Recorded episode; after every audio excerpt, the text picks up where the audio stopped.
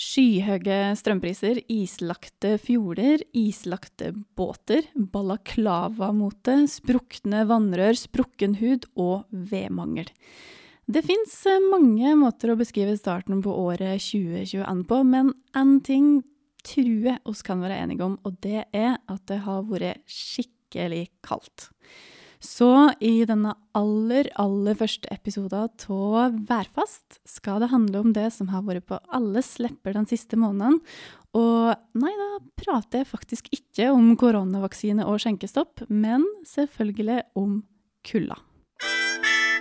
Vi skal ha værmelding. Vær så god. Vel, temperaturen er steget en del i Finnmark. I Finnmark blir det fortsatt kaldt. Faktisk skal til det østafjelske, ellers i landet temmelig mildt. Du hører på Værfast med Meteorologisk institutt. Ellers i landet litt mildere enn det var i dag. Eh, mitt navn er Hanna Norlindberg, og jeg er egentlig bare et vanlig menneske som tilfeldigvis jobber på Meteorologisk institutt. Så jeg er her for å stille alle de dumme spørsmålene, og ja, du kan tenke på meg som din hjelpende vær- og klimahånd i en forvirrende verden. Ja, jeg vet ikke helt hvordan den hånda ser ut, men det er en eh, metafor. Og med meg i dag så har jeg ei som mange kanskje kjenner fra værmeldinga på NRK og eh, både TV og radio, og det er statsmeteorolog Bente Wahl. God dag, god dag. Hallo! Og så er vi så heldige at vi har fått besøk av en av de få her til lands som vi med rette kan kalle hele Norges.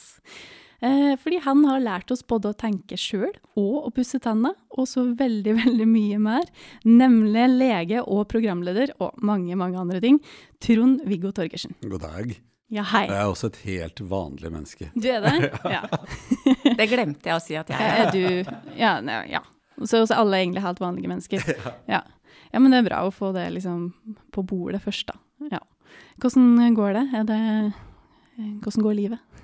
Og livet er kjempefint. Og siden du nevnte kulde, så har jeg, jeg har vært veldig glad i den kulda som har vært. For endelig er det litt snø under kulden, og man kan gå på ski. Og jeg har vært mye på hytta vår på Mjølfjell, som er på Vestlandet hvor jeg bor. Og der har det vært så kaldt at det har vært gøy. Det har liksom vært 25 kuldegrader! Og man blir så glad og går ut. Jeg er sånn som tisser ute, eh, selv om jeg har toalett inne, men det virker ikke noe særlig for sånn mannetiss. Så jeg må ut og tisse. Og det å gå ut i bare Undiken og tisse i 25 grader er helt perfekt. Da kan man se på stjernehimmelen og stå der og filosofere en kort stund. Og så må man selvfølgelig inn igjen. Men eh, 25 kuldegrader er helt topp for meg hvis jeg har på meg nok klær også, og ute og går. Ja, og ennå du som er bergenser, er du ikke Ja, det er For så kaldt har det ikke vært i Bergen. Nei, og nå er det null. Nå er Ja. det null, da. Men, eh, Men det har jo vært kaldt der òg. Veldig. Og da har det vært sånn akevær for barna, og byen forandrer seg. Og så hvis man ikke er nordmenn og liker kulde, så er man, da må man finne et annet sted å være. Ja, da sliter du. Ja, det stemmer. Eh, jeg tenkte egentlig å starte med en litt sånn rart spørsmål, fordi podkasten vår heter nemlig Værfast. Og da må jeg på en måte spørre, har dere vært værfast eh, noen gang? Jeg tror ikke jeg har vært sånn ordentlig værfast, sånn som man forbinder med ordet værfast. At du ikke kommer deg noe sted. Eh, Været har påvirka mye jeg har gjort gjennom livet, og kanskje forsinka ting og, og sånn. Eh, Det nærmeste jeg kanskje kommer har vært ordentlig, ja, ikke helt værfast heller, det var flommen i 95. For jeg bor på andre siden av Glomma eh, i forhold til Oslo, og jeg jobber i Oslo. Så da kom jeg ikke forbi Lillestrøm. Så da var jeg for så vidt værfast, men så gikk det jo an å kjøre langt nordover og sørover igjen, så jeg kom meg på jobb, men det tok et par timer ekstra. Eh, ellers er nok jeg mest værfast eh, når det er fint vær, for da kommer jeg meg ingen andre steder enn fra solsenga.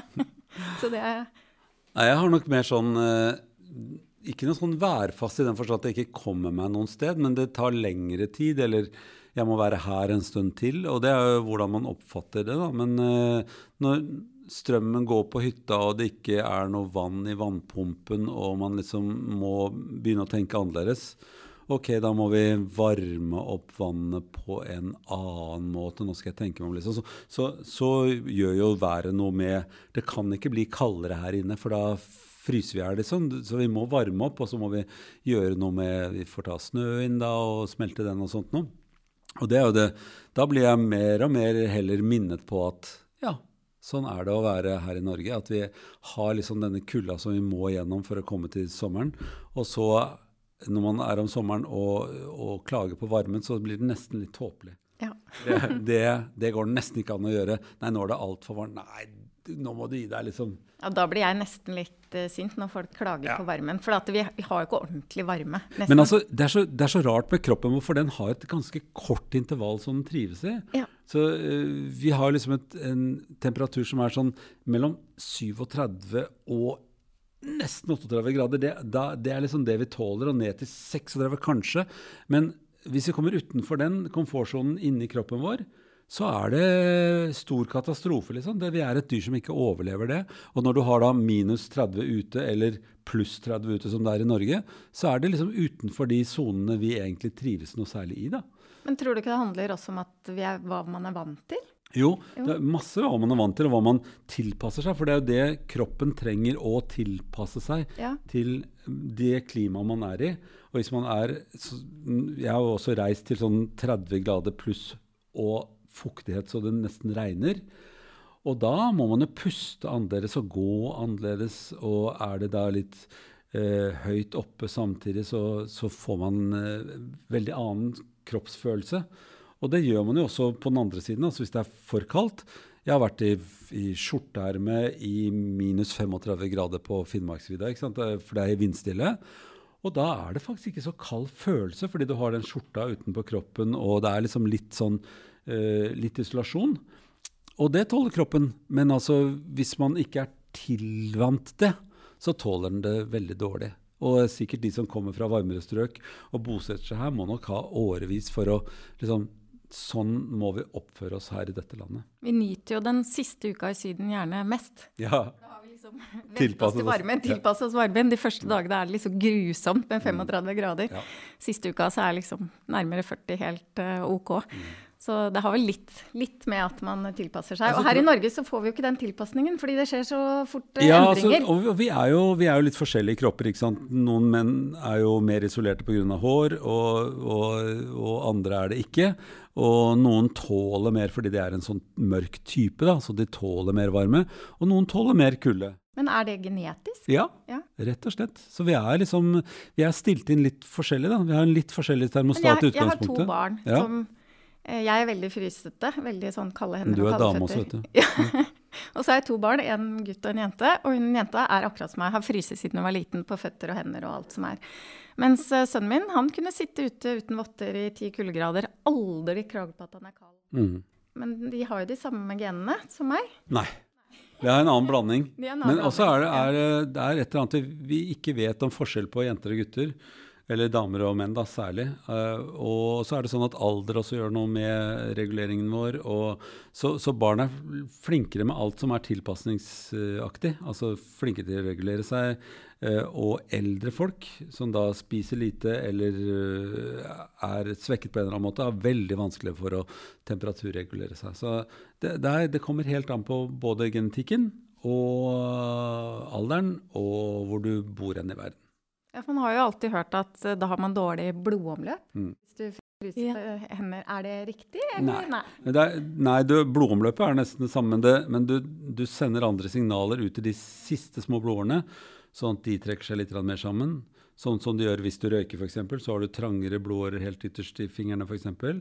Og, og det samme gjelder hjerte og andre steder. Du, så, og alkohol gjør det motsatte. Det slipper opp disse blodårene. Så hvis man f.eks. har drukket og er ute i kaldt vær, så kan man kjenne seg varm på hendene, men eh, det kan føre til at man får dårligere temperaturregulering inni kroppen f.eks. Så det er ikke noe gærent med meg, selv om jeg fryser Det er ikke noe gærent med deg, og du virker veldig, veldig hyggelig. Takk. Så bra. Eh, ja, du var jo litt inne på det, Trond-Viggo, med, med de sånn ekstreme temperaturene. For Mm. en ting er jo liksom det vi føler i hverdagen. Jeg føler òg at det fryser nesten hele tida. Eh, Mm. Som er litt sånn typisk, eh, typisk kvinner, da kanskje. Eh, men, men hva er det som egentlig skjer hvis kroppen eh, får liksom forfrysning? Altså, Vi har jo, som jeg sa, sånn et, et, eh, et område som kroppen trives i. Og hvis vi får litt, litt lavere temperatur inni kroppen, så reagerer kroppen med at vi skal overleve. ikke sant? Sånn at vi, vi, vi, vi, får um, får en beskyttelsesmekanisme som, som passer på hjernen og, og, den sentrale delen av kroppen. Og da går det på bekostning av lemmene våre. Så Derfor blir det enda kaldere på hender og føtter. Og det er et signal til kroppen til at nå er det litt for kaldt for deg. Så nå trekker vi liksom varmen inn til kroppen. For hvis kroppstemperaturen synker inni den kjernen av kroppen, da, så er det fare på ferde, rett og slett. Da er det, mot krise og, og, død i den andre enden. Så vi tåler ikke så fryktelig mye, og signalet at vi fryser på hender og føtter, kan veldig ofte være at eh, vi må ha mer varme. Enten mer isolasjon rundt vi, der vi fryser, eller vi må ha mer varme tilført til kroppen.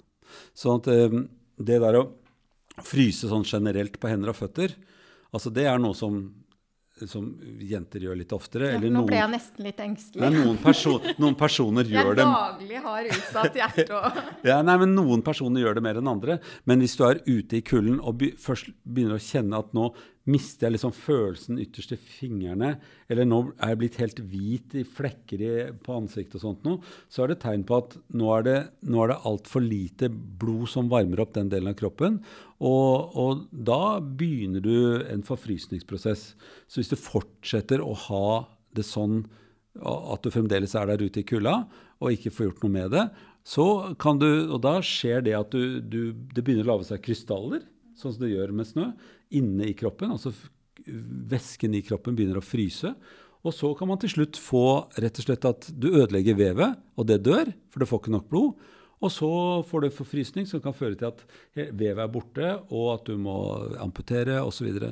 så altså, dette er jo de farlige forfrysningene, ikke sant? Ja, for det Jeg tenkte litt på det, fordi det kanskje det mest sånn iskalde, sånn virkelig sånn virkelig minne som jeg har som satte seg virkelig, det var at uh, Nå sa jeg virkelig veldig mange ganger, men det var virkelig, da. Yeah. Det, jeg drev med hest da jeg var liten, var hestejente. Uh, og så skulle vi ri, uh, ri hestene opp på setra til den rideskolen før de skulle feire jul der. De pleide, pleide alltid å liksom flytte alle hestene opp dit og være der noen uker i jula, da. Uh, og da brukte de jo småjentene til å ri hestene opp og syntes det var kjempestas, ikke sant.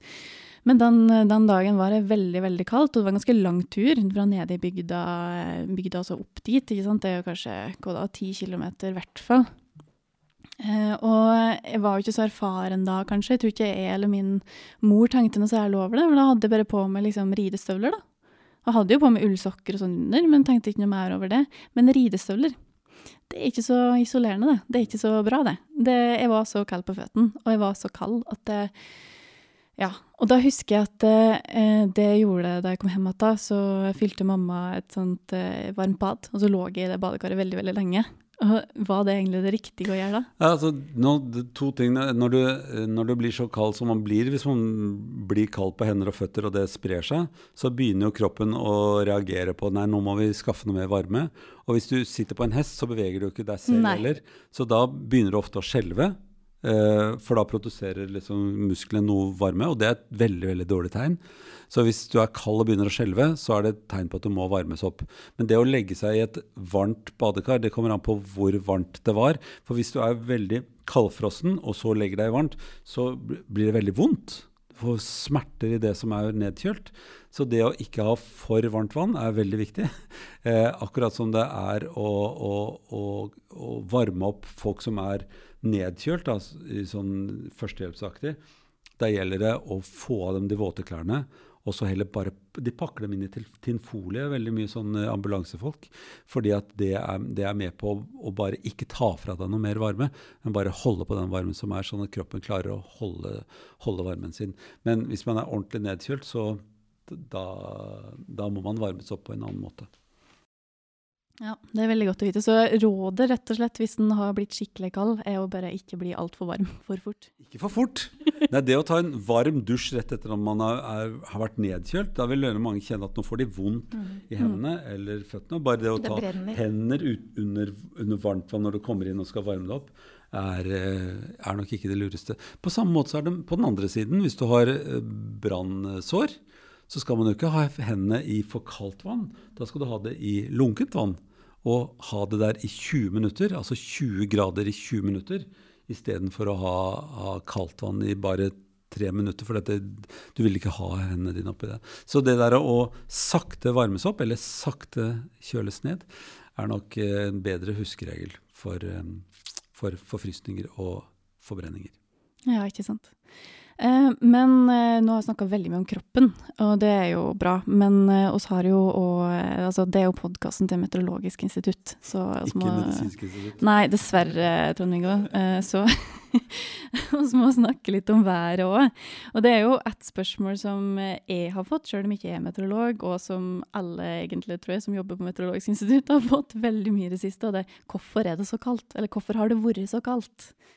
Det er nok mange svar på det, mange forskjellige svar. Men det aller viktigste, det er nok eh, eh, hvordan denne jetstrømmen vår går. Og jetstrøm er det mange som ikke vet hva er, men det er en sånn slags eh, slange av luft som går rundt jordkloden vår. Og under denne jetstrømmen så er det noe vi kaller polarfront. Det blir liksom faguttrykk her. Eh, men polarfront er rett og slett det som skiller den kalde lufta som ligger eh, nord for polarfronten, og den varme lufta som ligger eh, litt sånn i subtropene, altså det vi kaller Syden, Middelhavet. Der er det jo varmt, og så er det kaldt på Nordpolen. Så denne frontsonen den har et sånt skarpt skille som skiller den varme lufta i sør fra den kalde lufta i nord. Og det kan man se for seg går som en slange rundt jordkloden. Og den går i, en, i et område fra 40 grader eh, nord og til ca. 70 grader nord. Når Madrid ligger sånn ca. på 40 grader, og Nordkapp på 71 grader nord. Så da kan man tenke seg en slange som går liksom i det området uh, fram og tilbake. Den går rundt hele jorda? Den går rundt hele jorda, og den går i retning fra USA mot oss. Den går fra vest mot øst. Uh, og så er det da kaldt nord for den. Og hvis denne slangen går litt langt sør, så vil det da vi være, Norge være inne i den kalde lufta. På vinterstid så går den alltid litt lenger sør enn på sommerstid. Da drar denne subtropiske lufta seg nordover mot våre områder. Da har vi sommer. Mens på vinteren så går den lenger sør. Men i, i denne vinteren, så, i hvert fall i januar og februar Nå var ikke desember veldig, veldig kald, men i januar og februar så har denne, denne polarfronten gått veldig langt sør. Eh, vi har jo sett bilder av at det har snødd i Madrid og i Aten. ikke sant? Og det er fordi at denne eh, kaldlufta fra nord den har vært så langt sør. Så vi har ligget inni den, vi har ligget nord for denne polarfronten og jetstrømmen. Men det syns du sa nå som var spennende for meg, det var at du, sånn går fra, fra vest mot øst. Så jeg har alltid hatt følelsen av at vi får sånn sibirluft hitover. Men ja, gjør ikke det, altså? Det er noe annet. Ja, ja, okay, det, okay. det er, det, vi kommer ikke, til det, som du sier. Vi kommer til det, ja. det tror jeg kanskje. Mm. Og akkurat eh, rundt denne polarfronten så er lavtrykkene høytrykkene. Og det har også ganske mye å si. I januar så var det kaldt, men det var egentlig ikke så veldig kaldt. Da lå vi inni denne kalde lufta, men vi hadde ganske mye lavtrykksaktivitet, faktisk. Eh, alle tenker at det liksom, å, nå er det kaldt, da er det denne Sibir-lufta, som du sier. Mm. Eh, men hvis man da i tillegg får et høytrykk som legger seg sånn at vi får veldig stille og rolig og kald luft, eh, bl.a. et høytrykk som legger seg så vi f.eks. får luft fra Sibir, så vil du få det ekstra kaldt, i tillegg til at du ligger nord for denne polarfronten. Så det er jo flere ting som gjør at det har vært kaldt. og Um, I januar så var det nok mest det at denne polarfronten gikk lenger sør, mens i slutten av januar og starten av februar så hadde vi i tillegg dette høytrykket. Så da fikk vi på en måte dobbel effekt. Da fikk vi to effekter av at det ble så kaldt. Og vanligvis så går jo denne slangen litt sånn opp og ned, da. Vi hadde jo en liten runde hvor den svingte litt nordover i ja, midten av januar, hvor det plutselig regna og var Og da var den på en måte jetstrømmen en liten svingom nordover. Men hvor, hvor lite er det sjiktet som, som, gjør at det, det blir et annerledes vær her? Er det Dekker den ikke hele Norge, denne jo, slangen? Jo, liksom? Det er jo et breit område. For ja. Eh, det er jo et, på en måte et stort område. Noen ganger er det breiere, og noen ganger er det smalere. Og det er jo i dette området lavtrykk og høytrykk dannes. Og det er jo fordi Norge nettopp ligger i denne polarfrontsonen at vi har det været vi har. Og at det er mer stabilt i Middelhavet. Men helt sånn lokalt, for jeg, jeg merker ofte at uh, på hytta vår så er det meldt litt sånn bland... Altså er, noen melder det, og noen andre melder det.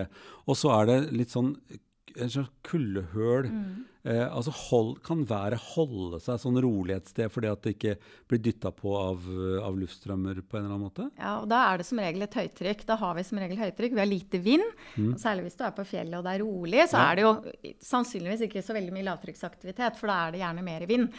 Lavtrykk er noe vi forbinder med mye vind, mens høytrykk er gjerne mindre vind. da. Eh, og når det da er høytrykk, så er jo lufta ganske stillestående, for det er jo vinden som tross alt rører om i lufta. Eh, og da blir det gjerne kaldere og kaldere, og da får vi jo dette som vi kaller inversjon, og som er et uttrykk som man leser i alle medier og alt, som kanskje folk ikke vet helt hva er. Og da kald luft den er tyngre enn varm luft. Sånn er det bare. Eh, det er fysisk lov. Og det vil si at eh, når lufta da kjøler seg i bånn, eller på toppen, så vil det renne som en elv ned i groper og daler. Og så vil den lufta ligge der helt til det kommer vind som blåser denne lufta rundt og blander den med lufta som er over. Men det som, det som er så rart, er at, uh, at det blir stående og blir kaldere.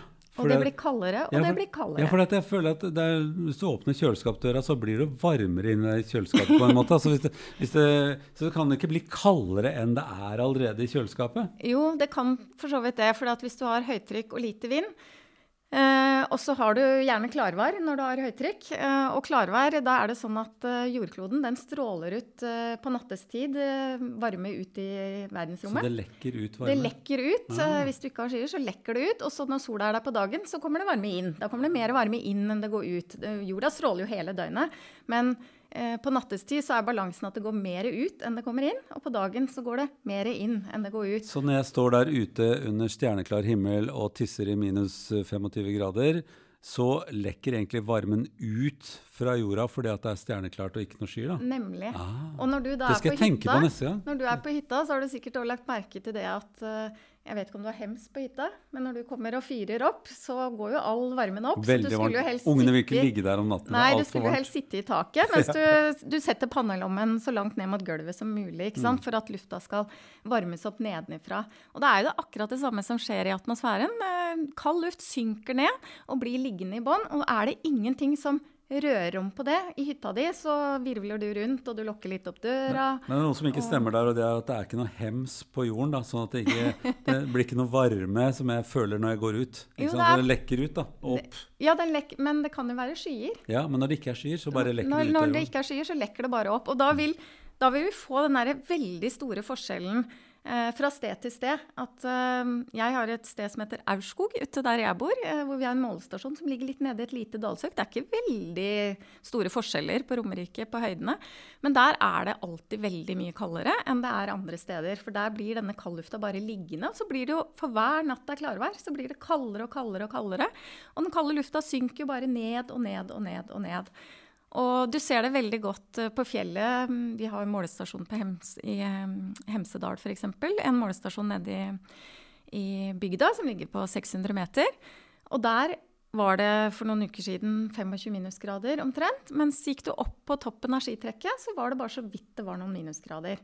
Så noen ganger, Man tenker jo alltid at det er kaldere jo lenger opp man kommer. For det er jo det, det vanlige atmosfæren, at det er kaldere jo lenger opp du kommer. Det er det normale. Eh, det er stort sett alltid sånn at hvis du er i Oslo, så er det kaldere om du kommer opp på Galdhøpiggen.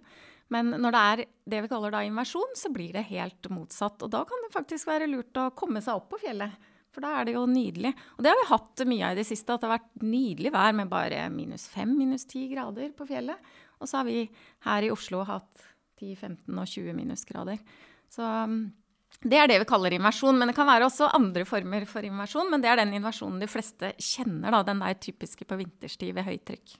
Ja, så Rent språklig så er det jo liksom omvendt, egentlig, for du har jo sånn inverted colors, det kjenner jeg til. Sånn, og da er det jo på en måte at du du har den omvendte farga. ja, det er nettopp det. Inversjon er nettopp at det er omvendt av det ja. som er det normale. At det, mm. det, blir kaldere jo høyere opp du kommer. Men så er det inversjon, så blir det varmere jo høyere opp du kommer. Og det betyr jo at når varm luft stiger, så vil jo ikke varm luft stige når det er varmere høyere opp. Mm. Da vil jo den lufta bare bli liggende. Ah, dette, dette, ble jeg veldig klok av. Altså. så bra. Det er, jo, det er jo, på en måte målet vårt, tenker jeg. Eh, og jeg har en ting jeg lurer litt på som handler om noe litt annet. Det er Eh, når den er ute og går, og så blåser det veldig mye, så blir det jo Da føles det veldig mye kaldere. Er det bare innbilning, eller er det faktisk kaldere? Ja, Det er i hvert fall ikke innbilning. og det jo, kom, henger jo veldig på det som Trond-Viggo snakka om i stad, med forfrysninger og sånn. Og det er jo det vi kaller effektiv temperatur, men vi kunne egentlig bare kalt det følbar temperatur. For det er ikke en temperatur vi kan måle. Eh, det er rett og slett den temperaturen du føler på kroppen ut ifra den temperaturen det er ute, og den vindstyrken som er. Og det tror jeg ganske mange ikke tenker på. Nå er det faktisk blitt sånn på Yr at de har begynt å sette på um, følbar temperatur, og det tror jeg er veldig veldig bra. For mange ser bare på gradestokken innifra stua når de skal ut på hytta. ikke sant? Mm. Minus fem grader ute, kjempefint. Da vet du akkurat hva du skal ha på deg. Men så viser ikke den gradestokken hvor mye det blåser ute. Og er det minus fem grader, og du har hytta di på 800 meter, og så kommer du ut, og så har du tenkt å gå kanskje helt opp på en 1000 meter. Der er det i utgangspunktet minus 10 grader. Og i tillegg så blåser det liten kuling. Da er den følbare temperaturen faktisk nede i 2-23 minusgrader, og kanskje litt lavere. Og da Ja, men- kan vi begynne å snakke om de forfrysningene igjen. Ja, ja, dette er jo, dette er jo veldig observerbart. Mm -hmm. jeg merker også at eh, når du er på fjellet, og det kan være ganske kaldt, og så kommer du ned til Bergen, og så er det ikke så veldig kaldt, men det er veldig fuktig, så føles det mye kaldere. Altså det liksom går inn i margen. Du føler at kulden liksom kryper inn i forhold til når det er tørt og kaldt. Fuktigheten har litt å si, men den har nok mindre å si enn mange tror. Det er vinden som har aller mest å si. Ja, det skjønner jeg. Eh, Men ja. hvis, de, hvis du tar bort vinden, Ja. hvis innvinden ikke er der, så syns jeg fuktigheten er kaldere. Ja, Men så har du nok også mer vind ved kysten enn du ofte tror. Ok. Eh, Du er vant til at det blåser mye i Bergen, så det tenker du ikke så veldig mye på. Nei, kanskje ikke gjør det. Men fuktigheten har litt å si, den også. Den innvirker også på den følbare temperaturen, men eh, mye mindre. Veldig Mm. mye mindre enn vinden. Så jeg tror hvis du tar hensyn til vinden, så, så er du godt skodd. Altså. Jeg tror ikke du For det vinden gjør, er jo at den tar bort den, det lille varmelaget du har. Altså, vi, vi lekker jo hele tiden sant, varme ut av kroppen vår, men så har vi jo den, Det er jo i hvert fall en, et, et, et, st- eh, Rett over kroppen så er det jo allikevel litt oppvarmet uh, luft. Og vinden blåser jo den vekk hele tiden, så den stjeler og stjeler og stjeler eh, varme fra kroppen din. Så sånn, sånn blir jo vi mye kaldere enn vi en gang det er vind. Ja, og Derfor er det jo så viktig med disse vindtette klærne. For det er jo tydelig i ansiktet, da, som man gjerne merker det. Og som du ikke tenker på, denne vinden. Og du merker det jo veldig godt når du går en skitur f.eks. og har vind i ryggen, og det er jo egentlig kjempevarmt, og du tenker at åh, jeg tok meg altfor mye klær. Og så kommer du bare rundt svingen og skal tilbake, og så holder du på å fryse i hjel. For da, da utgjør den vinden så mye eh, for den følbare temperaturen. Og mm, det har ganske mye å si på fjellet, det har mye å si på sjøen. Eh, Det har jo egentlig mye å si overalt. Og det er jo sånn, jeg er jo vant til å snakke om den Å, i dag var det sur nordavind. I hvert fall vi på Østlandet. Det er kanskje ikke sånn på Vestlandet, men på Østlandet så er nordavinden veldig sur. Og det er jo nettopp, den, Nå er nordavinden ofte kaldere også, men den bør jo nødvendigvis ikke være det. Men den oppfattes da ofte veldig kald, fordi det er kald vind i tillegg til at det er litt lavere temperaturer også. Mm. Så det er rett og slett den der når det står eh, to temperaturer på Yr, eh, så er det den, det, den som er liksom kaldest. Det er kanskje den du bør ta mest hensyn til. Ja, det er absolutt den du Ja. bør ta mest hensyn til, for det er den følbare temperaturen som tar da hensyn til vinden også. Mm.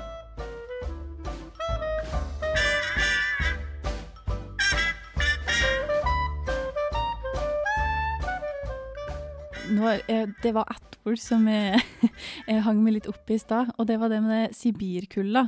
Hva, hva er det egentlig? Altså, Mediene skriver om det hele tida. Ja, hva er det? Det er liksom overskrifter på overskrifter, men Ja, og det er litt sånn, det er litt sånn tema på pauserommet, det på Meteorologisk institutt. fordi det er jo ikke et, det er ikke et veldefinert begrep, det er jo på en måte noe som bare er kommet. Og jeg, eller vi meteorologene, vi definerer det nok litt annerledes enn media. Jeg tror media bruker sibirkulde stort sett uh, uansett uh, hvis det er litt kaldt, og de føler at de trenger en overskrift. Mens uh, for oss meteorologene så handler det litt mer om hvor luftmassene kommer fra. Eh, I Sibir så er det, det er jo et av de kaldeste stedene vi har. Der mm, kan det være 50 minusgrader i snittemperatur i januar. Eh, er, rekorden på den nordlige halvkula er litt under 70 minusgrader, og det er i Sibir. Og når luftmassene som er der, eh, kommer til oss fordi at høytrykket ligger sånn plassert at de luftmassene dras mot oss, da kaller vi det sibirkulde. Mens eh, når avisene for noen uker siden kalte det sibirkulde, så kom egentlig luftmassene fra Arktis. Ja. Eh, Det, der er det også kaldt, over Nordpolen. 30-40 minusgrader der også. Men da kommer de jo sørover, går over havet, som ikke er så kaldt. Så da blir det, det blir kaldt, men det blir ikke så kaldt, fordi eh, havet har tross alt ikke minusgrader. Mens den lufta som kommer fra Sibir, hvis høytrykket ligger sånn plassert, så er det luft som ligger over land. Og når den beveger seg bare over land, så holder den på kulda, kommer til oss ved at den går eh, med klokka rundt et høytrykk.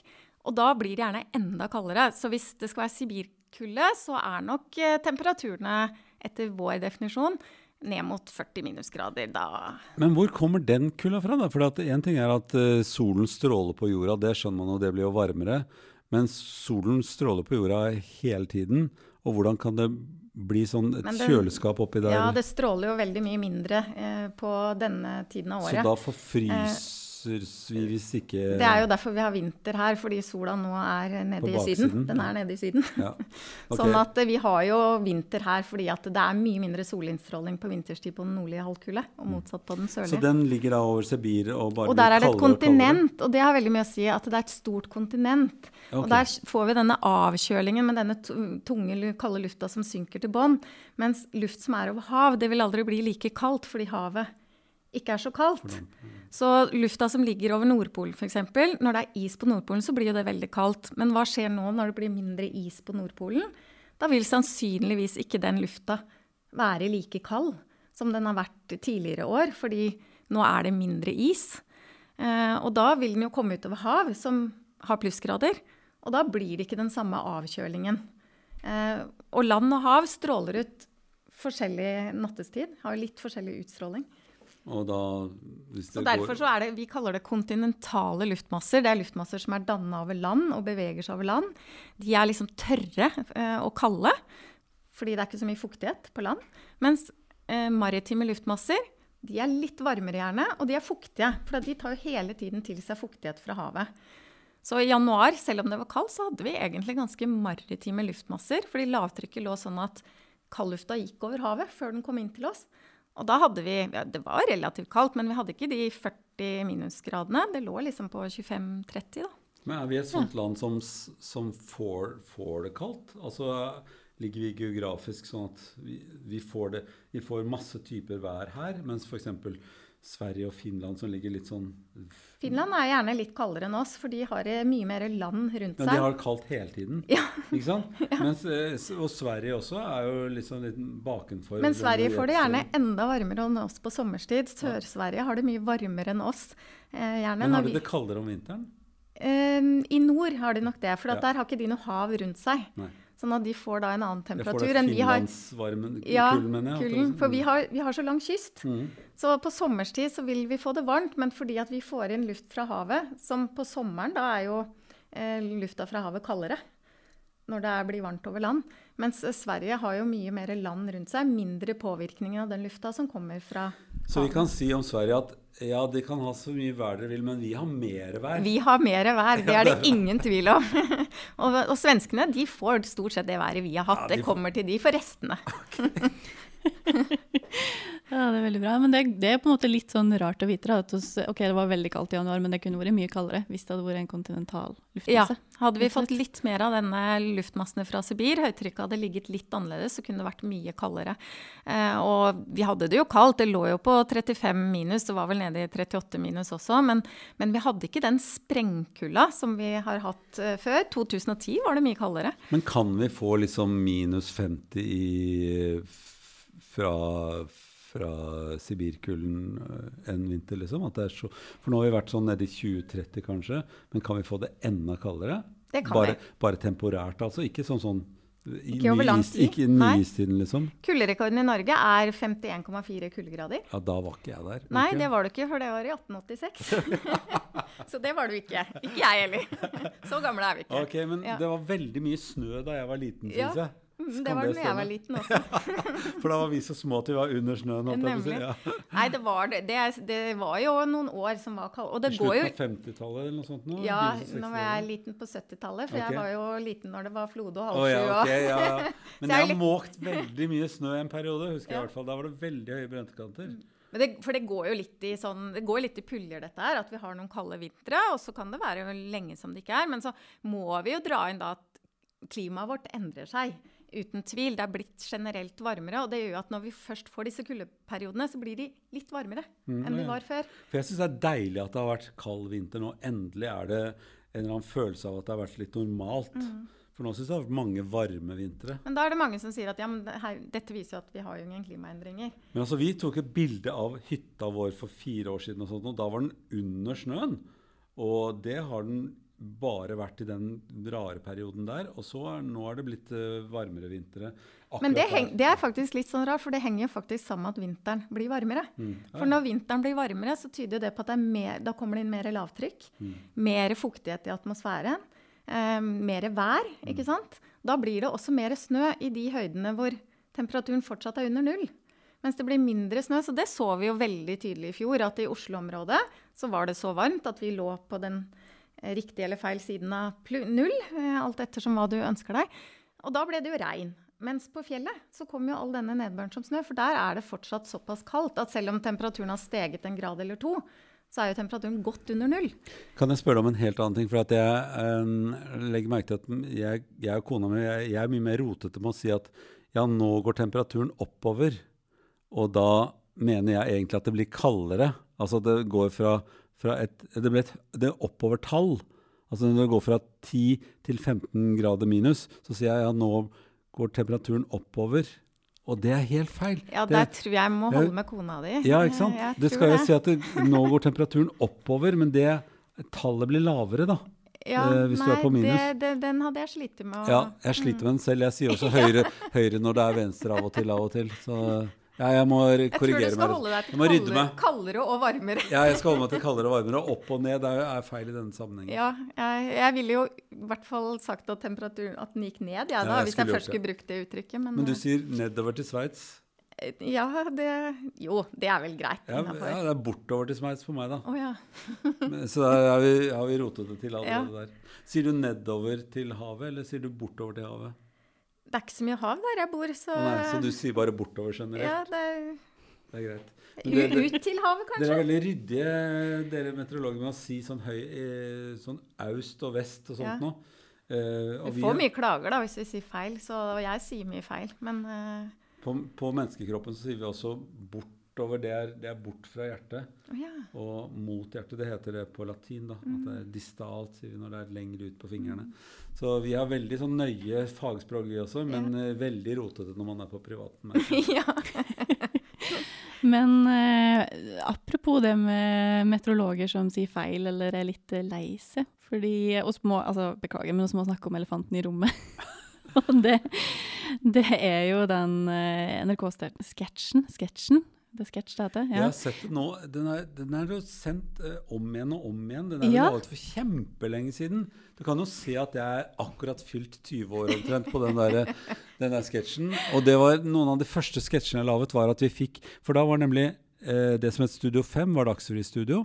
Og der halvparten av det, av det studioet var til Dagsrevyen, og halvparten av det var Der sto det et meteorologisk sånn der snurrekart.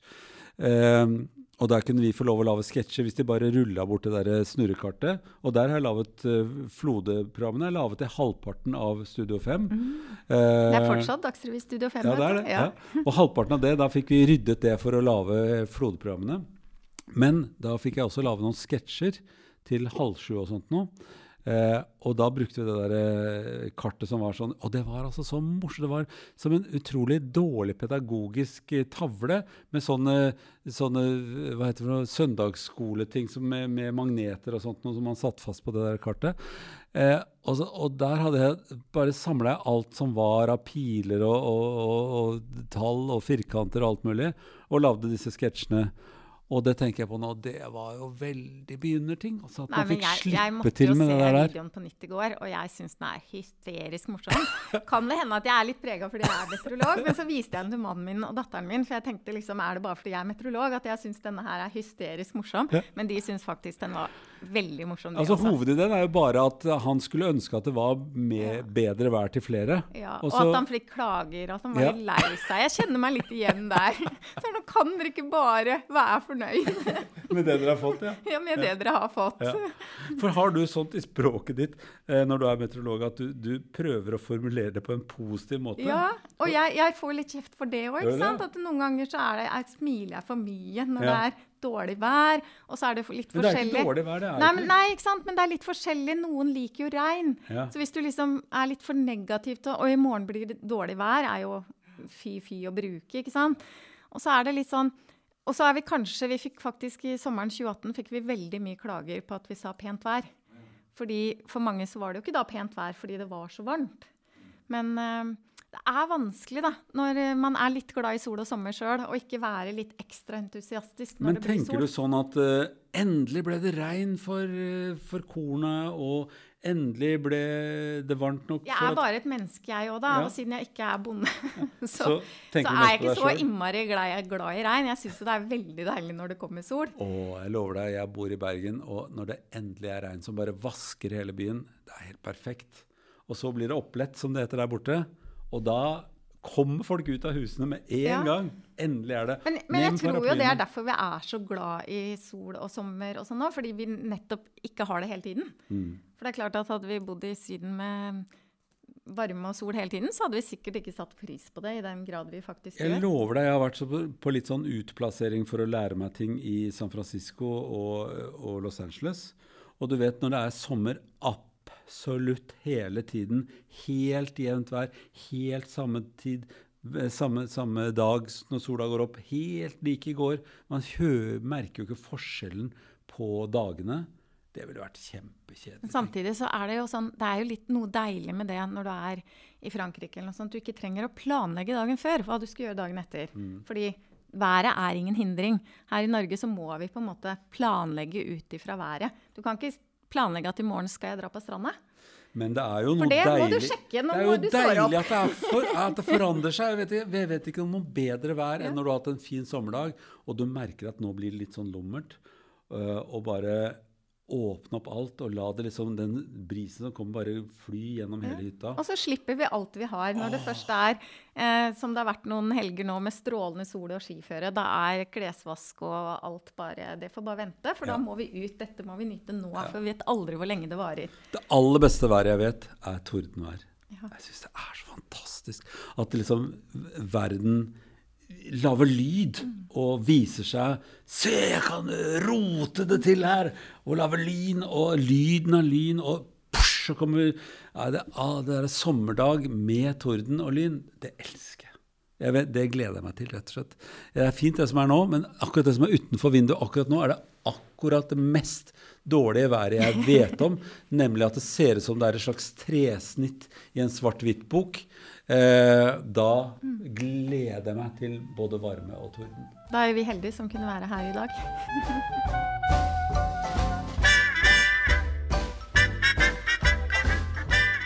Jeg føler at vi kunne sittet og snakka om alt slags vær i hele dag. Vet ikke, Vi snakket om det i flere eh, timer, ja. og det har vi gjort, kan det, du si. Det, det er nesten, ja.